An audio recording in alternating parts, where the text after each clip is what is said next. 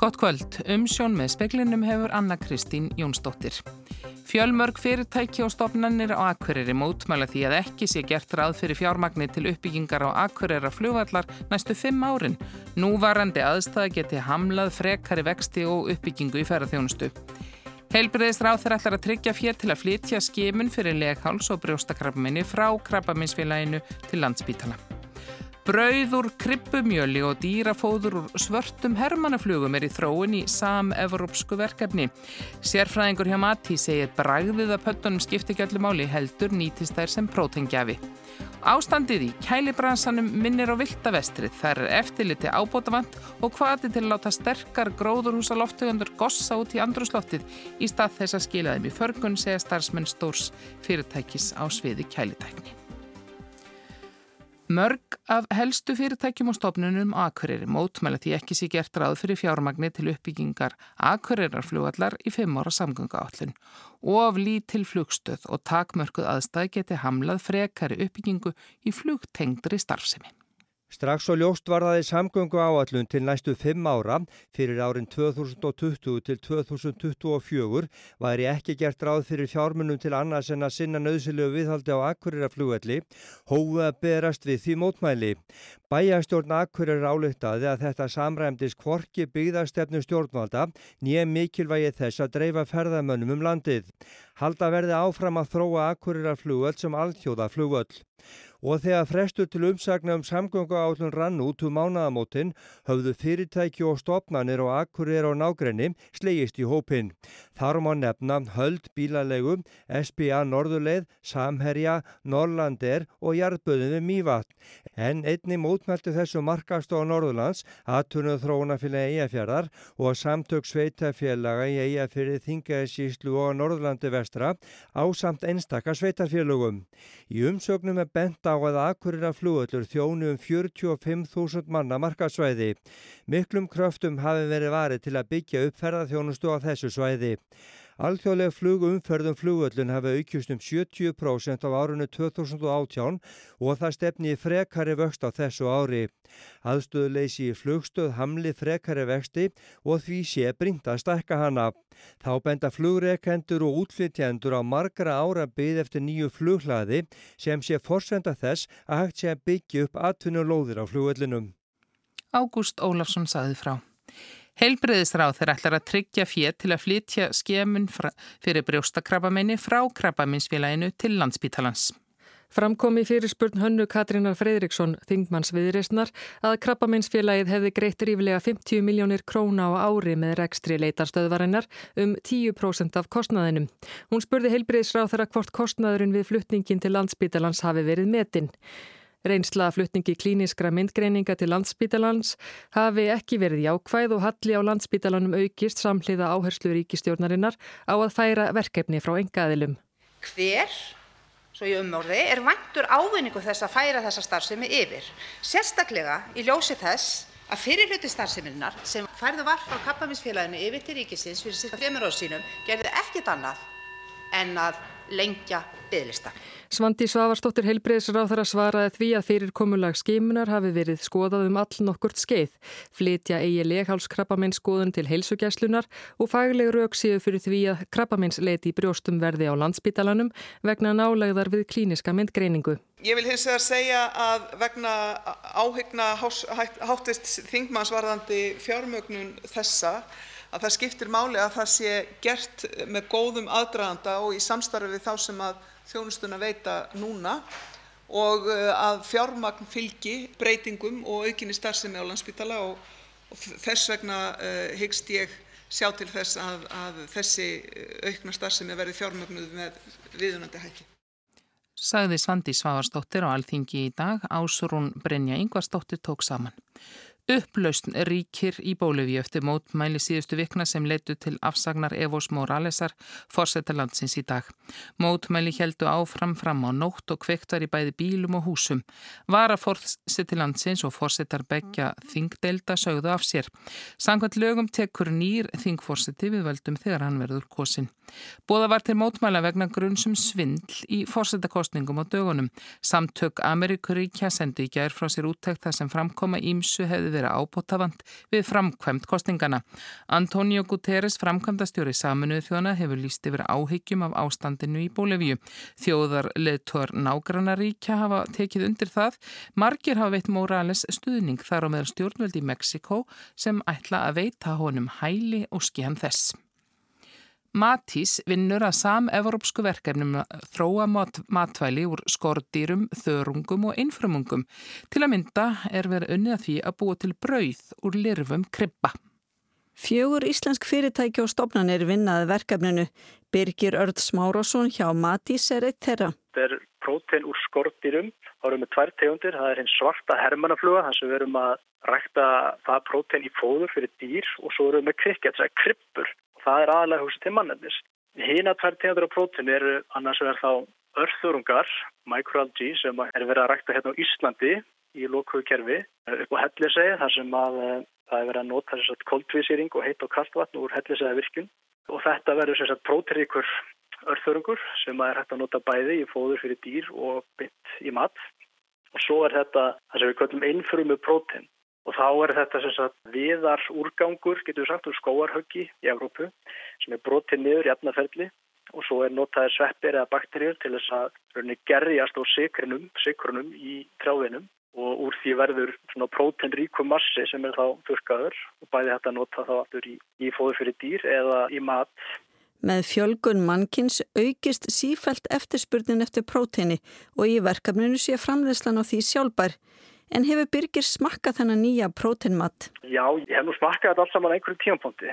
Bræðið skiptir þó ekki öllu máli, segir Birgir. Þetta er tilgjagurum frekar að búa til próteina sem getur þá sett inn í fóður fyrir dýr eða sett í matvæli, til dæmis eins og við nefnum bara eitt af þessi ætlum að skoða verkefninu, er, er brauð. Að baka brauð úr prótenríku lirfumjöli. Við ætlum að skoða ymsa mat til að setja þetta í. Við ætlum að skoða til dæmis gerfi kjött, gerfi pilsur, við ætlum að setja þetta í orkustykki, drikki og annað saði Birgir Örn Smárasson, Kristín Sigurðardóttir talaði við hann. Hjálmar Jónsson, formaður Blaðmannafélags Ísland, segir að sáttafundur dagsins hjá ríkisáttasamjara hafi gengið ágætlega en staðan lítið breyst. Haldin verði vinnufundur á morgun og svo fundur hjá sáttasamjara á fymtudag. Áttatíma vinnustöðun félagsmanna er bóðið á föstudag.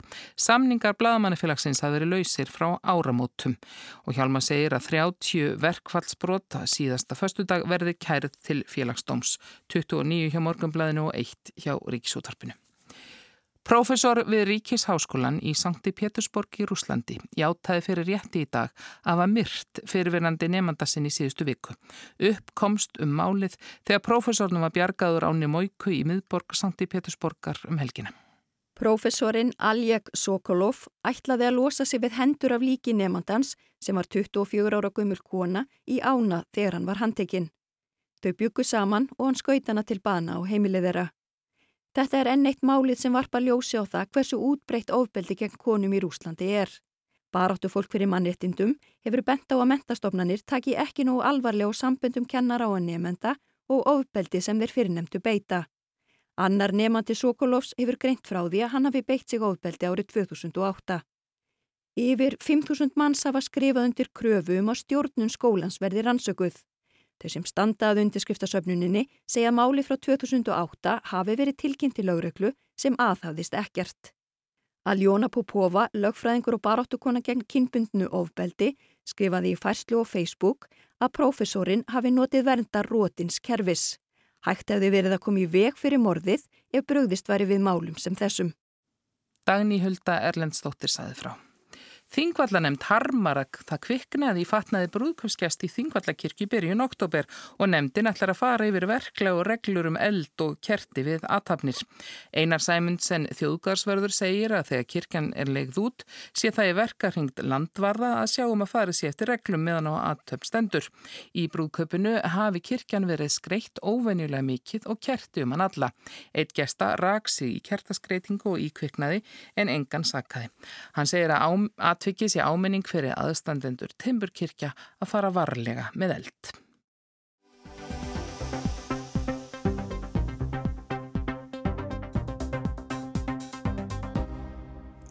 Ástandið í kælibransanum minnir á vilda vestrið. Það er eftirliti ábótavant og hvati til að láta sterkar gróðurhúsaloftegundur gossa í stað þess að skila þeim í förgun, segja starfsmenn kælitækni sem er fyrirtæki sem flytur inn um helming flúáraðra gróðurhúsaloftegundar sem notaður eru til kælingar hér á landi.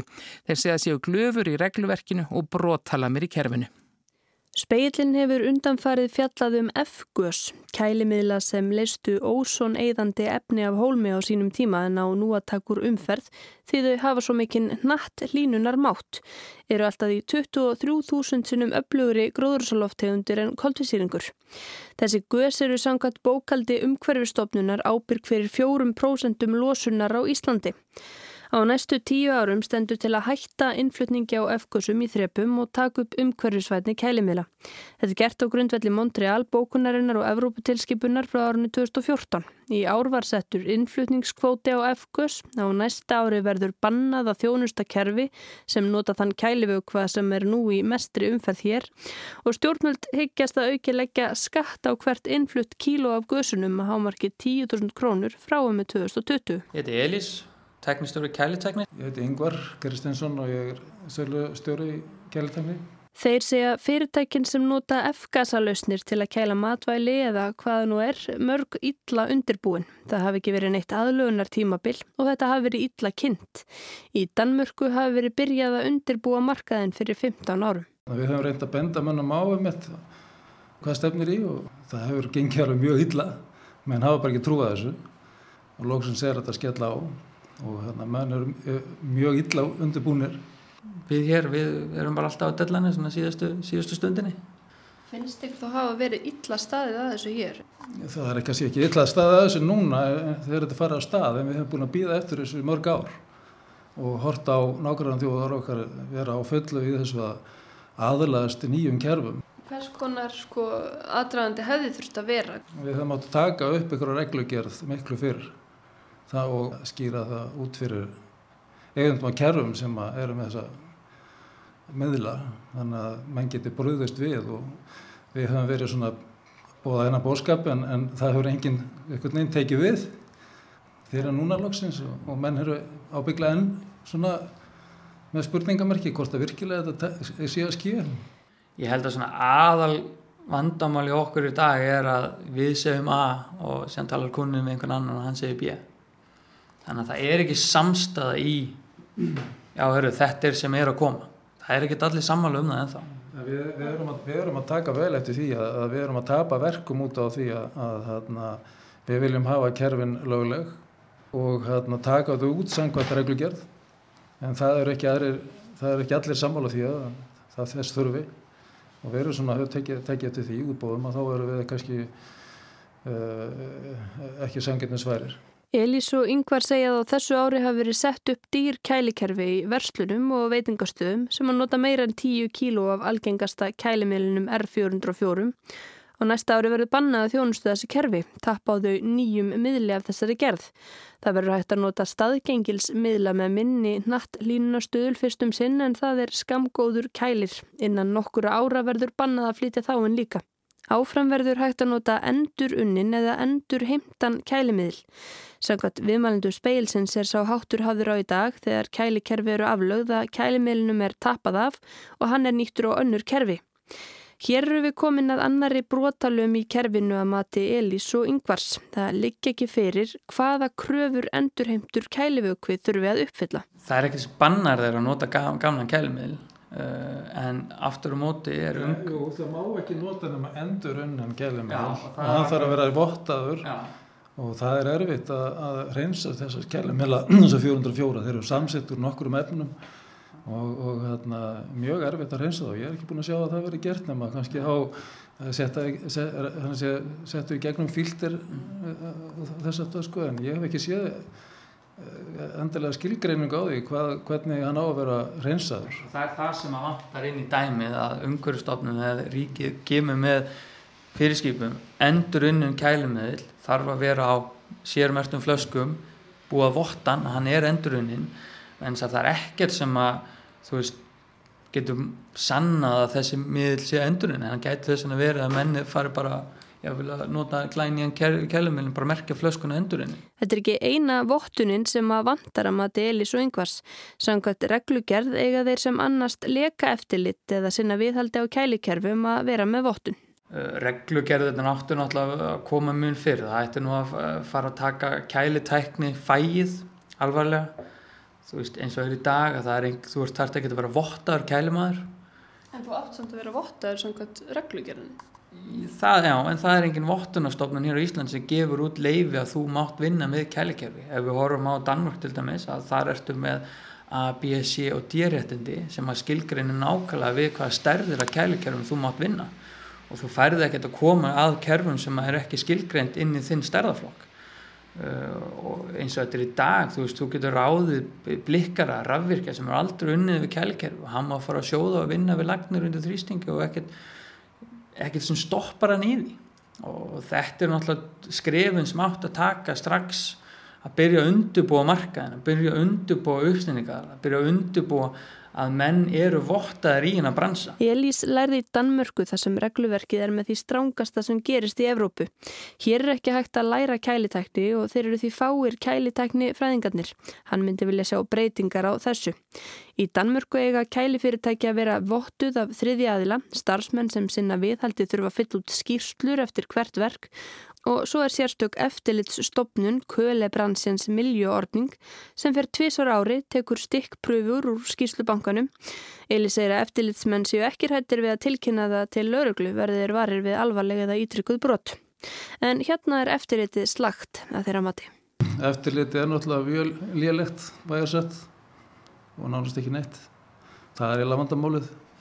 En þetta er svona aðeins að koma til núna og Við erum að, sem sagt, í góru saminu við útæktar fyrirtæki sem tekið, tekið út fyrirtæki, hérna, kerfi, töðu Nordic, en, en rauninni sko vinnu eftirlitið.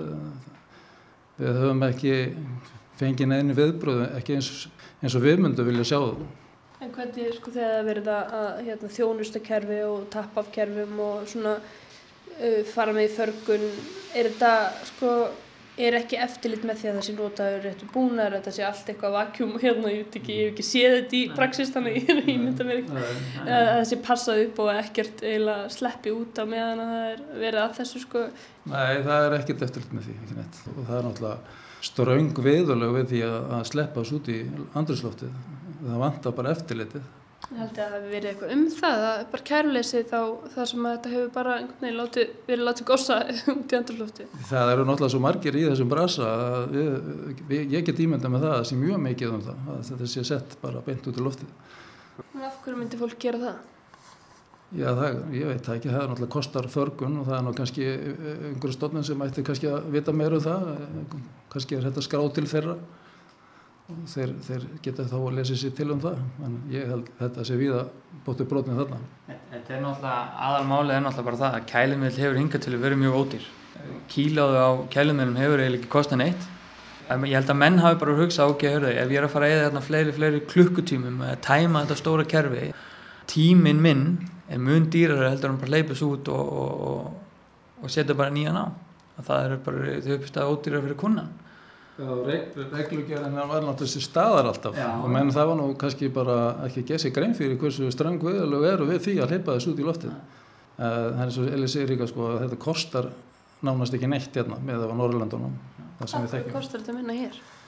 Sko gömlu, þessi gömlu kalla sem voru í Kælibarassunum hérna fyrir 30 árum síðan þeir hérna stofnum félag sem hitt Kælitekni félagið og þeir ákveðu að, að taka á þessu og það, til að byrja með var, var hérna, sett á spillefna gjald sem voru tvær krónur. Síðan uh, hefur það ekki tækkað uh, öll þessi ár sem er náttúrulega bara hlægilegt því að það er svona 7-8 þúsund krónur spillefna gjaldið erlendis og er að hækka náttúrulega núna alveg gríðarlega mikið. Þannig að við hefum bara verið hérna á túnni hérna í, í þessu á Íslandi Yngvar nefnir dæmum mál sem kom upp fyrir tveimur árum hafa hann gert umhverjastofnun viðvart um að Ísland væri liklega eina Evrópuríki sem lefði innflutning á innota gaskútum sem að hafa þann galla að það er ekki hægt að tæma þá alveg. Og hérna kynverinn hvaða alltaf, hvað, er, er, er, þú vissum að, að þetta sé í lægi? en þá var þetta náttúrulega alltaf í reglugjörð það var bannað en þeir gáði alltaf leiði fyrir þessu Umhverjustofnun brást við með því að herða eftirlit með innflutningi Í fjárlagafrömmarpinu er lagt til að það verði laður skattur á flúoraðar gastegundir. 9.805 króna skattur á að koma á kílóið á algengasta gasinu R404. Nú kostar kílóið um 5.000 kall, verði myndi því nánast þrefaldast. Elís og Yngvar óttast að án herts eftirlits leiði þetta til þessa svartamarkas brask með miðlana aukist. Þeir hafi heyrt að efnunum sé smiklað til landsins með skipum. Eftirliti kostar gríðarlega penning. Ef þeir fá ekki peningin í að sinna þessu þá verður þessu ekki sint og núna er náttúrulega þessi skattur að koma inn sem á skila x miljörðum ári í ríkiskassan og vonandi verður þessi peningur settur í að ebla eftirlitið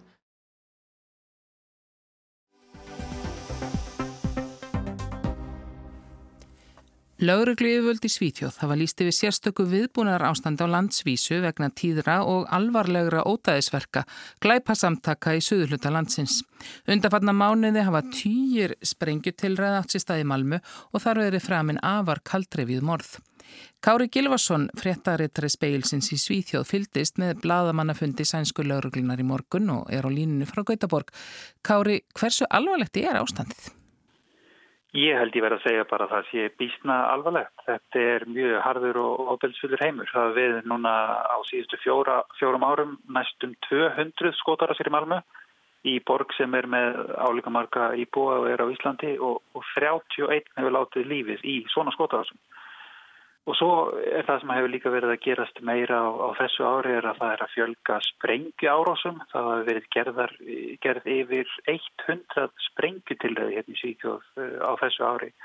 Til dæmis eitt stórt tilræði sem að skók bara heila íbúðablokk og, og þá náttúrulega upplifir fólk sig mjög órugt. Eh, þóttu ábeldi sé auðvitað fyrst og fremst innan eh, og á milli glæpahópana. Ég, ég náttúrulega verð ekki mikið farfið þetta eitthvað, eitthvað svoleiðis en, en það er samt afar viðbjörnslegt, getur maður sagt. Og svo er líka svolítið ókvæmlegt við þetta að menn þeir eru að spjóta til að drepa. Það er nótast í leigumorðingja, það verður að hóta vittnum, hóta fjölskyldumæðlimum og, og almenningi af þessum glæpasamtökum.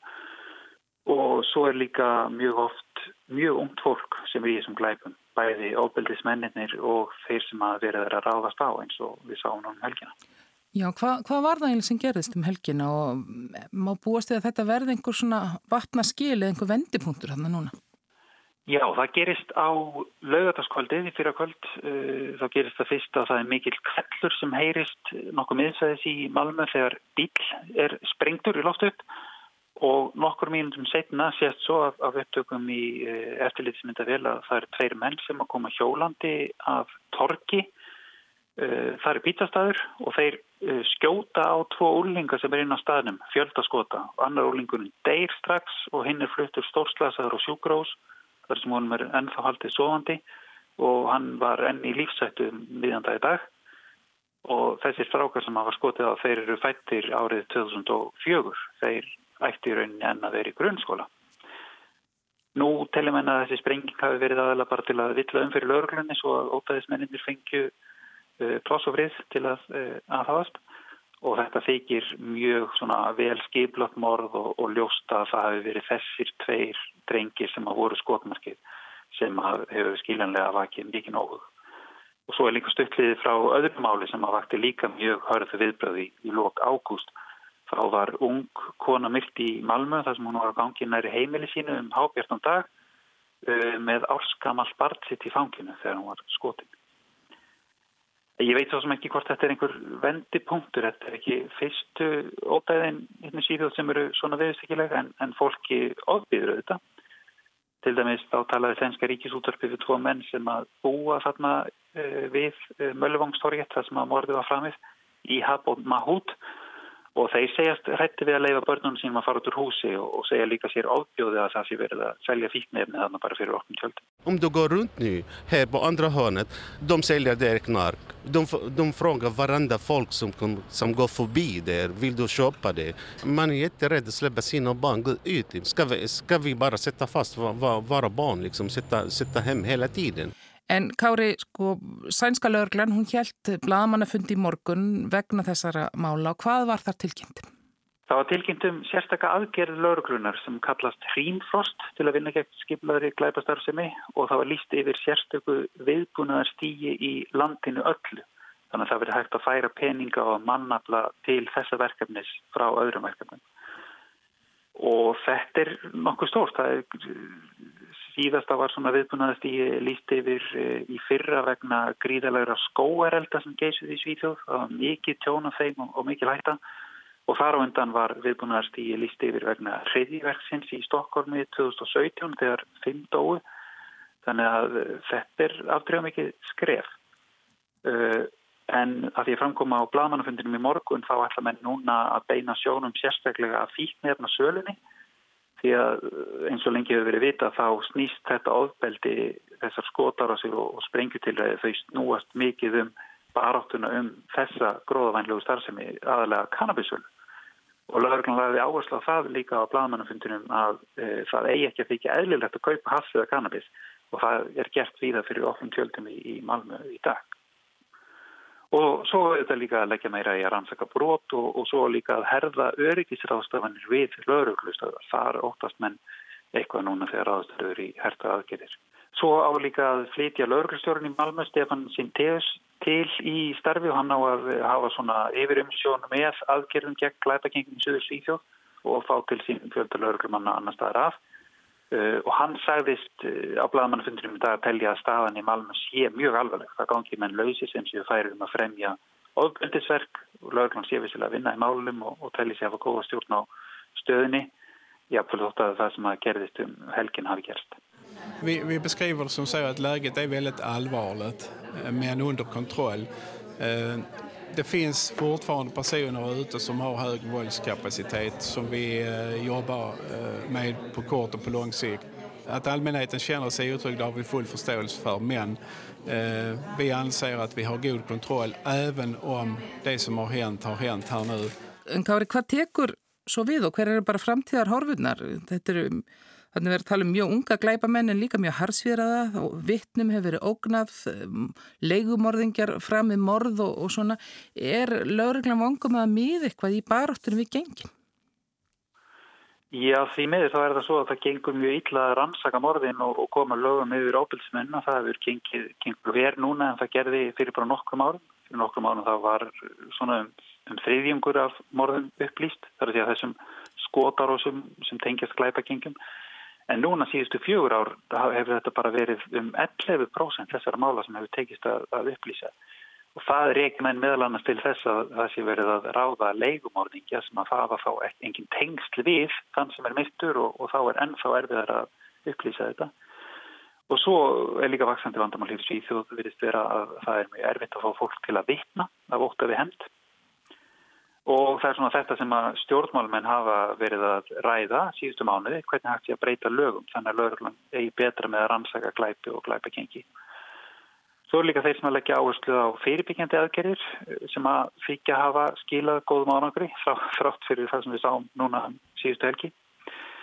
Eh, en lögurlan svona sagði í lók bladmannfundarins í gæra að eftir um hálft ár í Malmö þá eigi að vera komin sjáanlegur árangur, það eigi að vera sjáanlegur munur á hvernig fólk upplifi örgi á gödum, fíknefna það lægi ekki lengur að fara fram fyrir opnum tjöldum og, og hérna það er að vera að minna ofbeldi færi sprengi til veði, færi skóta á sér. Takk fyrir þetta, Kári Gilvason. Og það verður austan strekkingur í kvöld og þurft á Norðurlandi en annars rigning eða skúrir og það má búast við suða austan strekkingi á morgun og skúrum eða jæljum og veður fer kólnandi.